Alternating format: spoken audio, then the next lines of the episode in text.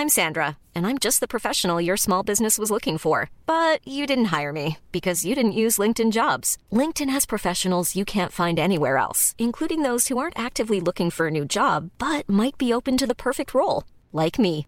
In a given month, over 70% of LinkedIn users don't visit other leading job sites. So if you're not looking on LinkedIn, you'll miss out on great candidates like Sandra. Start hiring professionals like a professional. Post your free job on linkedin.com/people today. Selling a little or a lot? Shopify helps you do your thing however you cha-ching. Shopify is the global commerce platform that helps you sell at every stage of your business. From the launch your online shop stage to the first real life store stage, all the way to the did we just hit a million orders stage. Shopify is there to help you grow. Shopify helps you turn browsers into buyers with the internet's best converting checkout. 36% better on average compared to other leading commerce platforms because businesses that grow grow with Shopify. Get a $1 per month trial period at shopify.com/work. shopify.com/work.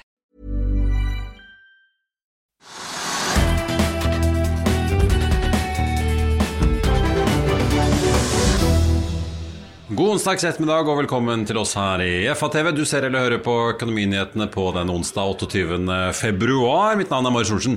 På plass eh, her på Grand Hotel i Oslo, der Sparebanken Markets eh, er i gang med sin andre dag av den mye omtalte energikonferansen. Eh, det blir mer om det straks, for vi skal få med oss fornybaranalytiker Thomas Dowling Ness. Og vi skal grave litt i både hvorfor kvoteprisen i EU har halvert seg fra toppen i fjor vår, og om det er realistisk å tro at hydrogenselskapet Nell altså vil klare å børsnotere hydrogenfyllestasjonene sine, som de har annonsert at de ønsker å gjøre i eh, dag. Men det skjer mer enn eh, dette på denne 28. februar. Det er en rekke nåværende og tidligere statsråder for refs, får vi si, fra kontrollkomiteen eh, på Stortinget, inkludert av både Erna Solberg, Tonje Brenna og Anette Trettebergstuen, rapporteres det om. Og kontrollkomiteen foreslår også flere regelendringer. Og så er Norwegian ute med en ny logo i dag. Det får vi si hører hjemme på listen over overskrifter på, fra nyhetsbildet. Og det er altså for første gang på da 22 år siden selskapet fikk, i dagens form i hvert fall, sin spede start tidlig på 2000-tallet. Og så er det masse kvartalstall å ta av, som eh, investorer og markedet nå fordøyer da dagen før Federal Reserve får disse mye omtalte PCE-inflasjonstallene som kommer da på uh, torsdag. Wall Street stort sett opp i går, med unntak av, av Dow Jones eh, Industrial Average. Vi har sett Asia tikke litt nedover i dag. Mange reagerte nok på nyheten fra Kina om at eiendomsselskapet Countrywide altså ønsker å få seg selv oppløst. Og så har vi jo da mange av disse kvartalstallene som har kommet inn her hjemme. Flyselskapet Norse Atlantic har hatt sitt fulle første driftsår eh, og sikter mot et overskudd i år, eh, skriver de. De melder om bedre charterinntekter i de kontraktene de har inngått nå. Og det er jo helt åpenbart også at her kan det komme transaksjoner eller nyheter rundt kapitalstrukturen. Selskapet har jo tidligere meldt om at de har hyret inn rådgivningsfirmaet Seabury, som også har hjulpet Norwegian og SAS og mange andre flyselskaper eh, tidligere. Det jobbes jo da med potensielle nye strukturer, gitt at det da i hvert fall er et par aktører i næringen som har banket på døren og meldt sin interesse for å potensielt kanskje gjøre en deal med Norse Atlantic. Norse Atlantic endte 2023 med 55 millioner dollar i kontantbeholdning. De fikk jo inn litt over 68 millioner da i fjor i påfyll fra aksjonærene. Det betyr jo da at hvis ikke hadde de kjørt disse emisjonene, så hadde de jo da i praksis hatt en tom kasse. Driften gikk kontantmessig i hvert fall med minus 20 millioner dollar i fjor, men likevel da får vi si en kraftig bedring fra den negative kontantstrømmen fra driften på nesten 70 millioner dollar i 2022. Og så er det Jon Fredriksens tørrlastrederi Golden Ocean da, melder om uh, tall. Den aksjen opp 5,8% mens altså Norse Atlantic faller over 20. Så går det bedre tydeligvis for tørrlasten om dagen. Golden Ocean tredobler utbyttet sitt fra 10 til 30 dollar cent, som betyr at alt rederiet tjente i fjor, skuffes ut til aksjonærene. Klassisk Jon Fredriksen, sier Paretos analysesjef Eirik Håvaldsen og sier at markedet pleier å like den type nyheter om kapitaldistribusjon. Vi følger også med på hydrogenselskapet Nell. Har vært opp på det aller meste over 20% helt fra start i dag, men har roet seg litt ned. Ligger eh, nå etter lunsj opp en drøye 6 En ting er eh, tallene, men eh, det mange kanskje merket seg, er konsernsjef Håkon Voldals annonsering da at man ønsker å spinne ut disse fyllestasjonene som selskapet ikke mener har så mye til felles med denne produksjonen av elektrolysører som de ellers driver med. Så får vi se hvordan det går. Håkon Voldal er i hvert fall gjest i Børsmorgen hos oss på FATV på fredag. Til slutt tenkte jeg bare å nevne også et par av de eh, sjømatselskapene som har rapportert i dag, Lerøy og Austevoll Seafood, eh, som jo er koblet sammen grunnet eierskapet Austevoll har i Lerøy. Lerøy skal jo sende da halvannen milliard kroner i utbytte til sine eiere. Det kommer et kutt fra Austevoll sin side, riktignok. Og Lerøy beholder også guidingen på produksjonen i år. De regner med å slakte da 193 500 tonn, og varsler om noe høyere kostnader i første kvartal enn eh, det man regnet med tidligere. Lerøy meldte også om et bedre operasjonelt driftsresultat enn det som var ventet i markedet. Til slutt også får vi si, mens Lerøy da stiger eh, litt over 11 i dag, Austevoll ligger like bak med en oppgang på så vidt over 11 eh, blank, så har vi da Høg Autoliners som ligger inne som den desidert mest omsatte aksjen med en omsetning på 1,2 milliarder. Det er ikke så rart, fordi det ble da omsatt 1,1 eh, milliarder i en deal hvor altså Høg-familien selger unna aksjer igjen, får vi si. De solgte jo for nesten 800 millioner i fjor, nå selger de unna for drøye milliarden for 97 kroner aksjen. En rabatt da på 5% mot sluttkursen i går, og vi ser at den aksjen fortsatt holder seg over 100-lappen. 101,30 ligger Høg Autoliners på nå i ettermiddagstimene. Ellers så tenkte jeg bare å nevne også oljeprisen noe ned i dag. 81,80 legger vi på omtrent i spot-markedet. Futures på Wall Street peker mot en rød start eh, når handelen kommer i gang der om ikke altfor lenge. Og så har hovedindeksen vippet litt over og under nullpunkt i dag, men ligger nå nede 0,2% og ser ikke ut til å få noe da særlig drahjelp fra råvareprisene eller i hvert fall stemningen eh, i de tidlige morgentimene da i USA. Vi skal få med oss eh, Thomas Navling Næss i Sparebanken Markets og er tilbake rett etter dette. Vil du bli oppdatert på det viktigste som har skjedd innen finans og næringsliv? Da er det bare å følge med, for hver morgen er jeg, Marius Lorentzen og aksjekommentator Karl Johan Malnes på plass i studio for å ta tempen på dagens marked i Børsmorgen. Og hver ettermiddag oppsummerer vi alt du trenger å vite i økonominyhetene, og det blir selvfølgelig masse interessante gjester. Klikk deg inn på fa.no-tv, eller søk opp Børsmorgen og Økonominyhetene der du hører på podkast.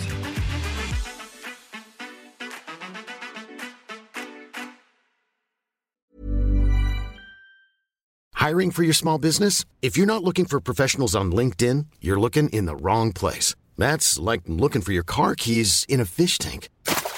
LinkedIn helps you hire professionals you can't find anywhere else, even those who aren't actively searching for a new job but might be open to the perfect role. In a given month, over 70% of LinkedIn users don't even visit other leading job sites. So start looking in the right place. With LinkedIn, you can hire professionals like a professional. Post your free job on linkedin.com slash people today.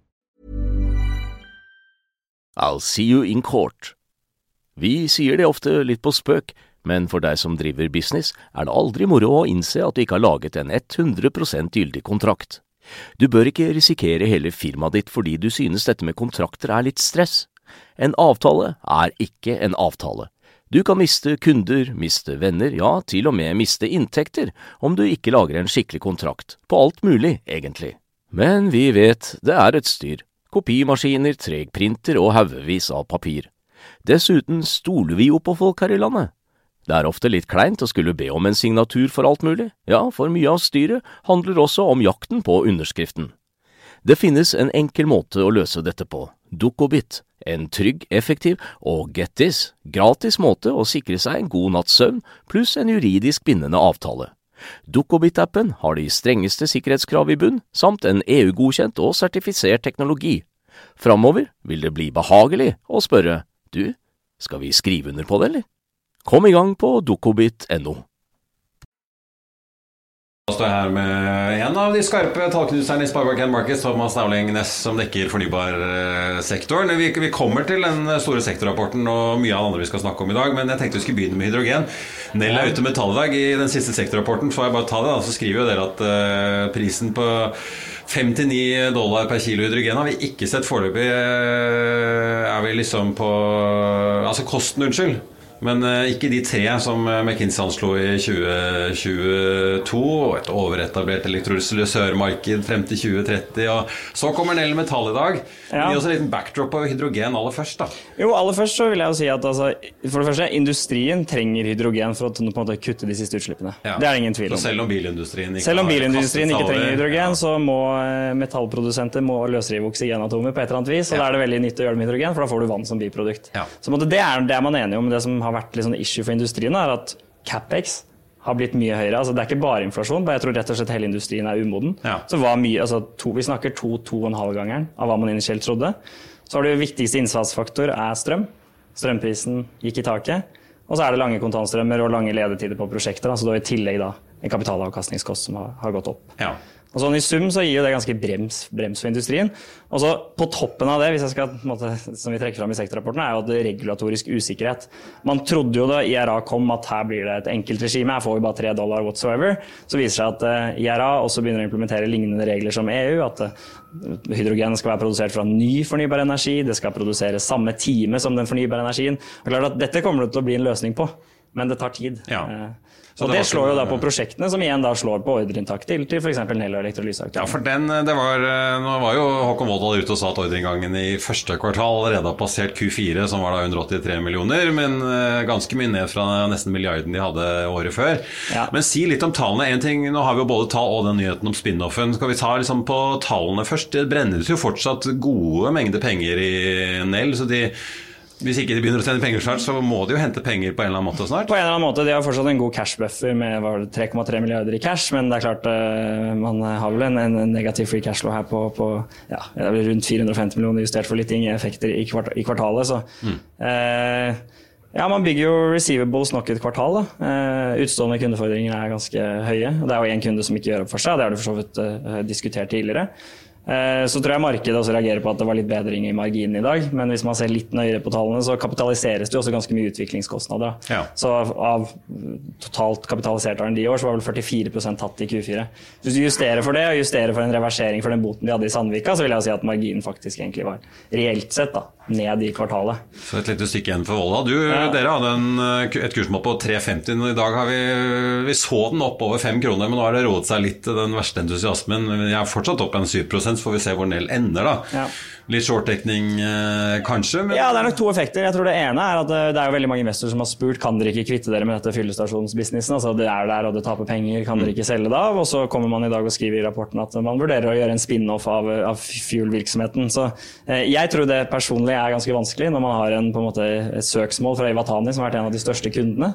Eh, og selskapet taper mye penger, og du har et søksmål for største kunde, så er det jo vanskelig kanskje å liste det selskapet. ja, for børsnoteringsmarkedet i seg selv er jo krevende. Det er krevende, det er krevende, med, og, ja. og Så, har du- så det er klart man kan jo liksom, spinne da, man kan jo legge det ned. Det er jo et alternativ. Eh, men jeg, jeg vil tro det er det som drar litt opp på aksjen. Og så har vi jo sett Nell på en måte publisere også resultater under forventningene og likevel steget. Og det er nok en del short, Man vet jo at aksjen er mye shortet, og det er jo mm, en del som bruker den likviditeten til å dekke posisjonene sine. Vi har sett andre aktører, eh, var det vel Everfuel, som sa de skulle slutte med fyllestasjoner. Ja, Er det, liksom, er det et segment som er litt sånn i limbo? At du sier kanskje like greit å bare legge det ned for Nell, og Ja, heller altså- konsentrere seg om industri?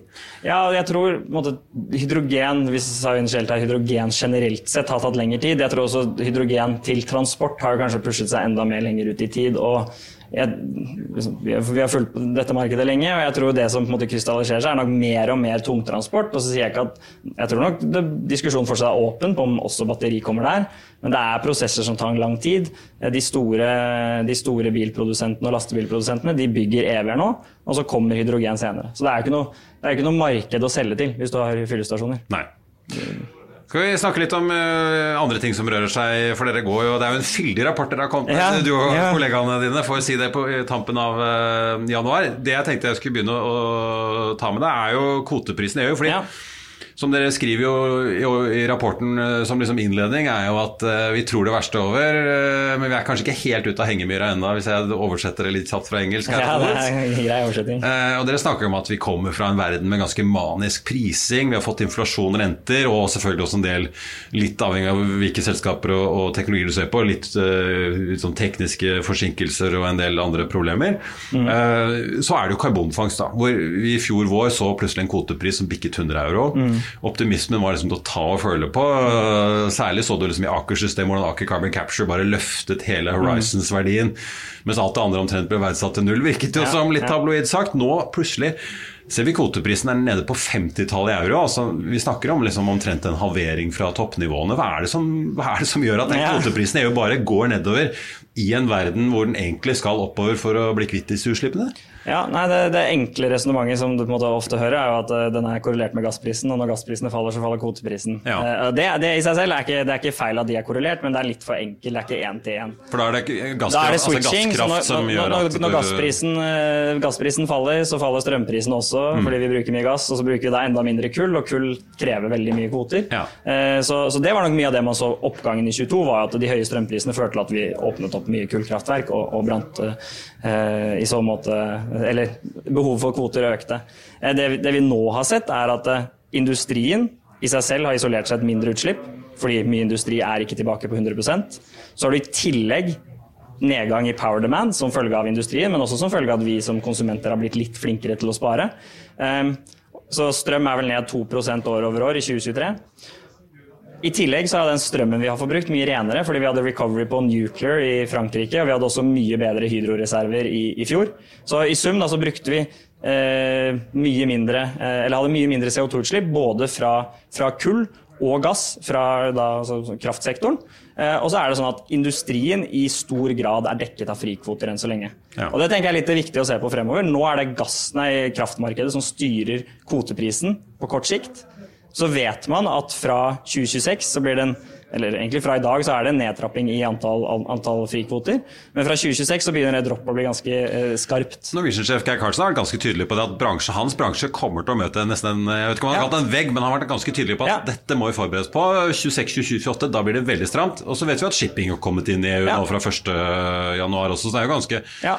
Og så blir- strukturelle ting her på gang. Ja, det blir nesten enda strammere. For det man også har gjort, da, som jeg glemte å nevne, det er at man tok jo i forbindelse med Repower EU, som skulle være da, gjøre Europa mer uavhengig av russisk gass, så tok man jo kvoter fra 27- og 30-budsjettet, og så flyttet man de nå til da 23, 24, 25. 26. Så det er sånn, ja ok, da fikk vi flere kvoter nå, kvoteprisen har litt mer press på, på, på, på å falle, men eh, det blir jo desto strammere i fremtiden. Og jeg tenker at hvis jeg hadde, hvis jeg hadde fått frie tøyler, og ingen hadde eh, måte, gitt meg blame Ingen i compliance så, så, så hadde jeg sagt ja, men hvis jeg var, hvis jeg var eh, ansvarlig for uh, utslippskutt i en stor norsk industribedrift i dag, og jeg vet at CCS kommer til å koste meg rundt pluss minus 150 euro per tonn, og jeg kan gå ut i markedet i dag og kjøpe for 50 euro per tonn, så er det jo selvfølgelig fristende å si at man burde kjøpe kvoter med begge hender. Ja. Så er det klart at uh, antageligvis så er det en hedging-strategi som ikke blir godkjent av alle finansavdelinger, og kvoteprisen kan halvere seg. Mm. eh, Who knows, men, men du vet at den er useless på 50. Ja. Du vet at det blir stramt fra 26 og 27. Så den kvoteprisen må opp. Og tyske myndigheter sa jo for et par år tilbake at de vurderte å støtte kjøpet på 60. Ja. For det er jo på en måte det er de som, altså Myndighetene selger jo kvoter og får da inntjening på å selge kvoter. For, for, også for myndighetene så er dette et innhugg i statsbudsjett. For, da, for da Hva har dette å si for denne sektoren? Nå har dere akkurat hjulpet Kapsol med å hente penger, så du Mm. kan kanskje ikke si noe om det, men vi kan jo se litt generelt. altså se Aker Aker Carbon Capture ned nesten 40 siden nyttår. Mm. Uh, så Kapsolsjefen satt jo også Wendy Lam, som er ganske fersk i jobben, sa at nei, her er det lange ledetider. De kundene vi snakker med, de, de tenker hva, hva er prisen i 27, 28, 30? Så at om den er 55 euro i dag og har falt en god del, ok, men, men Mm. vi må planlegge lenger. Hva tror dere at et så kraftig fall i, gjennom fjoråret og nå, nå i år har å si for denne sektoren, disse selskapene som opererer der? Jeg tror, jeg tror uansett en del av de som, som hun, jeg støtter henne egentlig i det. Altså, det er lange ledetider, og man vet at, den, man vet at eh, etterspørselen på kvoter i Europa strupes. Eh, Man vet at man må kutte utslipp. Eh, Så jeg tror ikke det skrinlegger CCS-prosjektene, for de er uansett så langt ut i tid. Men det er klart at for sentimentet for aksjene på børs, hvor man kanskje prøver å finne litt enklere forklaringer på ting, så er det klart at det slår, slår negativt ut. Ja, men det er eh, sånn sett for business cases så handler det egentlig om å klare å realisere dette til en grei kostnad og teknisk rett kostnad, levere ja. på skala her. Ja. Og så vet man jo at hvis ingen klarer å levere på de prosjektene, så skal jo den kvoteprisen i hvert fall opp. Ja. For det er jo et begrenset eh, Og forsinkelser har det jo vært i sektoren generelt, da, som dere påpeker. Ja. Så kan jeg egentlig si at jo, jo dårligere vi er til å kutte utslipp ut i tid, eller jo dårligere industrien er, så fort det er industrien som blir prissetter og ikke kraftmarkedet, så kan man møte en vegg. Vi får se hvordan effekten blir av å poppe to Paracet nå, hvor ille Ja. hodepinen blir når vi nærmer oss 2030. Men eh, skal vi snakke litt ellers om, om eh, noen av favorittene dere har? Jeg ser, altså, Cadeler skal jo snakke her. Og, Mm. altså, dette hva skal vi si, havvindservice slash Løfte installasjonsselskapet. Dere har også Scatec, som jo har kommet med denne fokus- og disiplinplanen Ja. sin, og ikke skal kjøre nye emisjoner. Og vi har Volio, dette teknologiselskapet fra Unn Arendal eh, Fosse. Si litt om havvind, for Kaderer. Hvorfor er de en favoritt når vi ser den sektoren slite såpass som den gjør med masse nedskrivninger hos Ørsted, og Vestna Ja. sliter og tar store grep? Og... Ja, nei, altså, På tross av det da, så er det installasjonsmarkedet sylstramt. Eh, vi ser dagrater. Jeg var med på børsnoteringen av, av Kadler tilbake i 2020, var det vel. Vanskelig selskap å liste Ja. eh, på den tiden. Eh, Men siden da har utviklingen vært helt fantastisk. Og de da- dagratene man nå ser, ikke for arbeid i år, men for arbeid i 26 og 27, er jo på ja, ratenivåer som ikke vi turte å drømme om i de modellene vi lagde på den tiden. Mm. og jeg tror det er viktig liksom å ha med at mye av de problemene med forsinkelser er det at forsinkelser er dyrt. Ja. Og Derfor har jo Ørsted og andre sagt at de er nå mye villigere til å sikre seg nettopp installeringskapasitet. Fordi at det, det å betale en høy dagrate til Cadler, det er faktisk ganske mye billigere enn det er for hver dag du blir forsinket med et prosjekt. Ja. Eh, og så har det vist seg at det å starte opp et vindinstallasjonsselskap fra scratch, det har ikke vært enkelt. Du har ikke kunnet bare bygge nybygg på spekk og, og, For Kadeler sitt med ganske spesialiserte, Spesialisert svære, tunge skip. Altså. Ja. Så skal ikke jeg ta liksom, er ikke jeg, det er en kollega av meg som har ansvaret for Cadler. Og, men liksom, hvis du ser på den antall rekken spillere, så vil jeg si at det er vel egentlig bare Havfram som har klart å måte hente penger, Mm. kjøpe skip, skip, og så begynne å få kontrakter. Og da må de ta kontrakter på lavere dagrater. Ja. Så de har en ganske unik posisjon nå, hvor de er definitivt markedsleder, og hvor du har da Offshore vind, ja, absolutt mye negativ newsflow i fjor, men som vi viste i går, eller Henrik viste i sin, sin slidepakke, det var rekordantall FIDs. Ever, så er det en litt effekt av at eh, året før var veldig dårlig, men man tror jo også på, på, på rekord i FIDs i år. Eh, Så det er et stramt marked hvor vi ser Cadler har en veldig veldig god posisjon. Ja. Eh, Og vi ser det er vanskelig å etablere en nybygg. Men det er sånn, selvfølgelig, på et eller annet tidspunkt så kommer det markedet der også antageligvis til å bli bygget igjen. Men Ja. sånn som det ser ut nå, så har man god visibilitet da, på Fordi vi har jo den spesialiserte, og så har vi det jo litt bredere som Eddavind og IVS. IVS har Ja. dere jo bistått med ja. emisjon. De har fått sitt første av disse seks skipene. Skal rett ut på Doggerbank eh, i Storbritannia på lang kontrakt. Ja. Det er jo et litt bredere segment, for det er kanskje lettere å komme inn enn Kaderer sitt. Det er nok litt lettere å komme inn, og så blir det jo altså Der også er det jo Du har jo verdisupport i båten, og det virker som at de dagratene de får, er, er ganske fornuftige. Så det er Jonas også som har ansvaret for, for IVS og Edda Vind, så jeg skal ikke, skal ikke si for mye rundt det. Men, men eh, ja, vi trekker i hvert fall fram Cadler som, eh, som et oppgikk Til slutt er bare Scatec og Volue. Ja. øh, Dette begge selskapet vi har snakket med i i FATV tidligere. Scatec som jeg nevnte har vært igjen med en litt sånn hestekur. Mm. Er det bare at planene er reorientert og kursen har liksom kommet seg på akseptable nivåer som gjør, Ja. gjør den til en favoritt, eller? Ja, vi, vi hadde jo en, eh, vi hadde en spørreundersøkelse ute hos uh, alle våre investorer rundt juletider og spurte om eh, hvordan vektingen var på fornybart i porteføljen. Det var 50% som var undervekt. Det var ganske mye AUM som svarte på den undersøkelsen. Eh, og så var det 50% som stod, trodde at fornybar kom til å overperforme i 2024. Så det er klart at hvis du får en rotasjon der, så vil du få penger inn til grønt. Og da er jo Scatec en fin aksje som måtte gå ganske bra med det generelle grønne markedet. Ja. Det sagt så mener vi også at det er fundamentale verdier, og vi har ikke Scatec, vi har kursmål 90. Da vi sendte ut rapporten var vel kursen i 75-80, så er det ikke det at vi sier at Scatec skal doble seg. Men det er et solid selskap hvor vi mener at det nå har kommet ned på, på, på fair verdier, og vi syns at det selskapet har gjort eh, de siste tidene har vært eh, veldig riktig. Ja. Eh, tatt ned investerings... Eh, behovet sitt, eller investeringsplanene sine, til et nivå som de kan ta på egen balanse. Sier at de ønsker å ta ned giringen, som har vært for høy i selskapet. Eh, og så gjelder det bare å bevise til markedet at de kan levere på det fremover. Og vi syns jo også at sånn makromessig så har jo Scatec en god posisjon i mange markeder, eh, hvor Solcapex nå kommer, har kommet drastisk ned.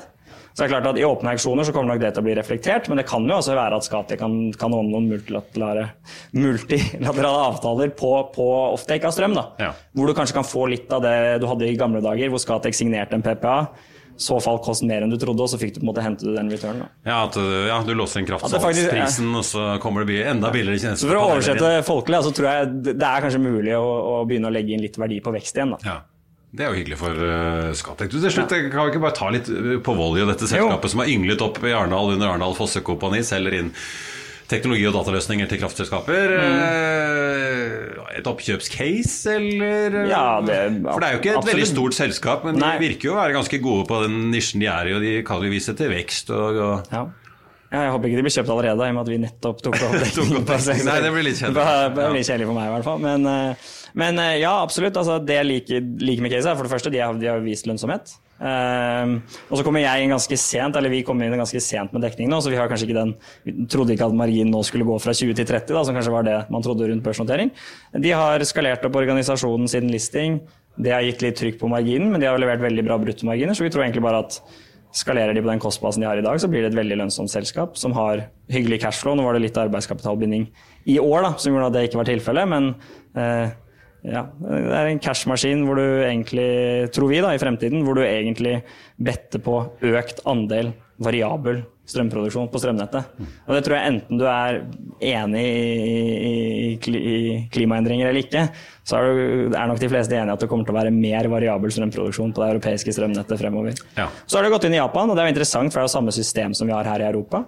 Ehm, så kommer tidlig inn der. Så det gir jo sånn strategisk Det er mange som spør hvorfor i alle dager er det Japan, men det gir strategisk mening at man kommer til et marked som nettopp har blitt liberalisert, og så har de fått første kunde der, så vi får se. Men uh... Det skal bli interessant å følge, så får vi se om disse sentralbanksjefene gir denne sektoren litt drahjelp eller ikke i år med noen rentekutt, eller om de skyver på hele moroa. Det har vel også en del å si. Det har vel en del å si, men jeg føler sånn i, i de selskapene vi trekker frem som toppicks i rapporten, så er det kanskje litt av tesen at her er det Du har kommet ned på verdier som er helt fair, også på en måte hvor du legger til grunn hva skal si, mer fornuftig langsiktig avkastningsgrad. Thomas Dowling Næss i Sparebanken, tusen takk skal du ha. Ja, tusen takk. Og da var vi ved slutten av eh, denne sendingen. Jeg tenkte bare å nevne at du i tillegg til Trygve Egnars eh, leder vil finne mer i morgendagens eh, Finansavisen om tallene da fra Høg LNG, Avira Kystruten, Cool Company, Golden Ocean og mange flere. Det blir også mer om Norwegian og deres nye logo, får jeg si. Og ellers så tenkte jeg bare å si at det var det vi hadde da fra Sparebanken sin energikonferanse her på Grand Hotel i Oslo. I morgen er vi tilbake igjen på plass på Smestadammen med Børsmorgen 08.55. Da får vi ikke bare med oss Norconsult-sjef Egil Hogna, men vi får også med oss Bjørn Tore Larsen, sjefen i Norse Atlantic. Og vi må jo da selvfølgelig spørre hvordan det går med alle disse strategiske eh, prosessene som pågår. Om det kan komme nye emisjoner, eller om det kanskje kommer en ny eier inn sammen med han selv og Scorpio-gruppen om ikke altfor uh, lenge. Og så blir det Økonominyhetene 14.30 da. Da får vi besøk av komplettsjef Jan Ivar Semlic, som kommer rett fra selskapets kapitalmarkedsdag, som altså arrangeres i morgen eh, formiddag. I mellomtiden så får du som alltid siste nytt på FA.no. Mitt navn er Marius Lorentzen. Tusen takk for følget så langt. Vi ses.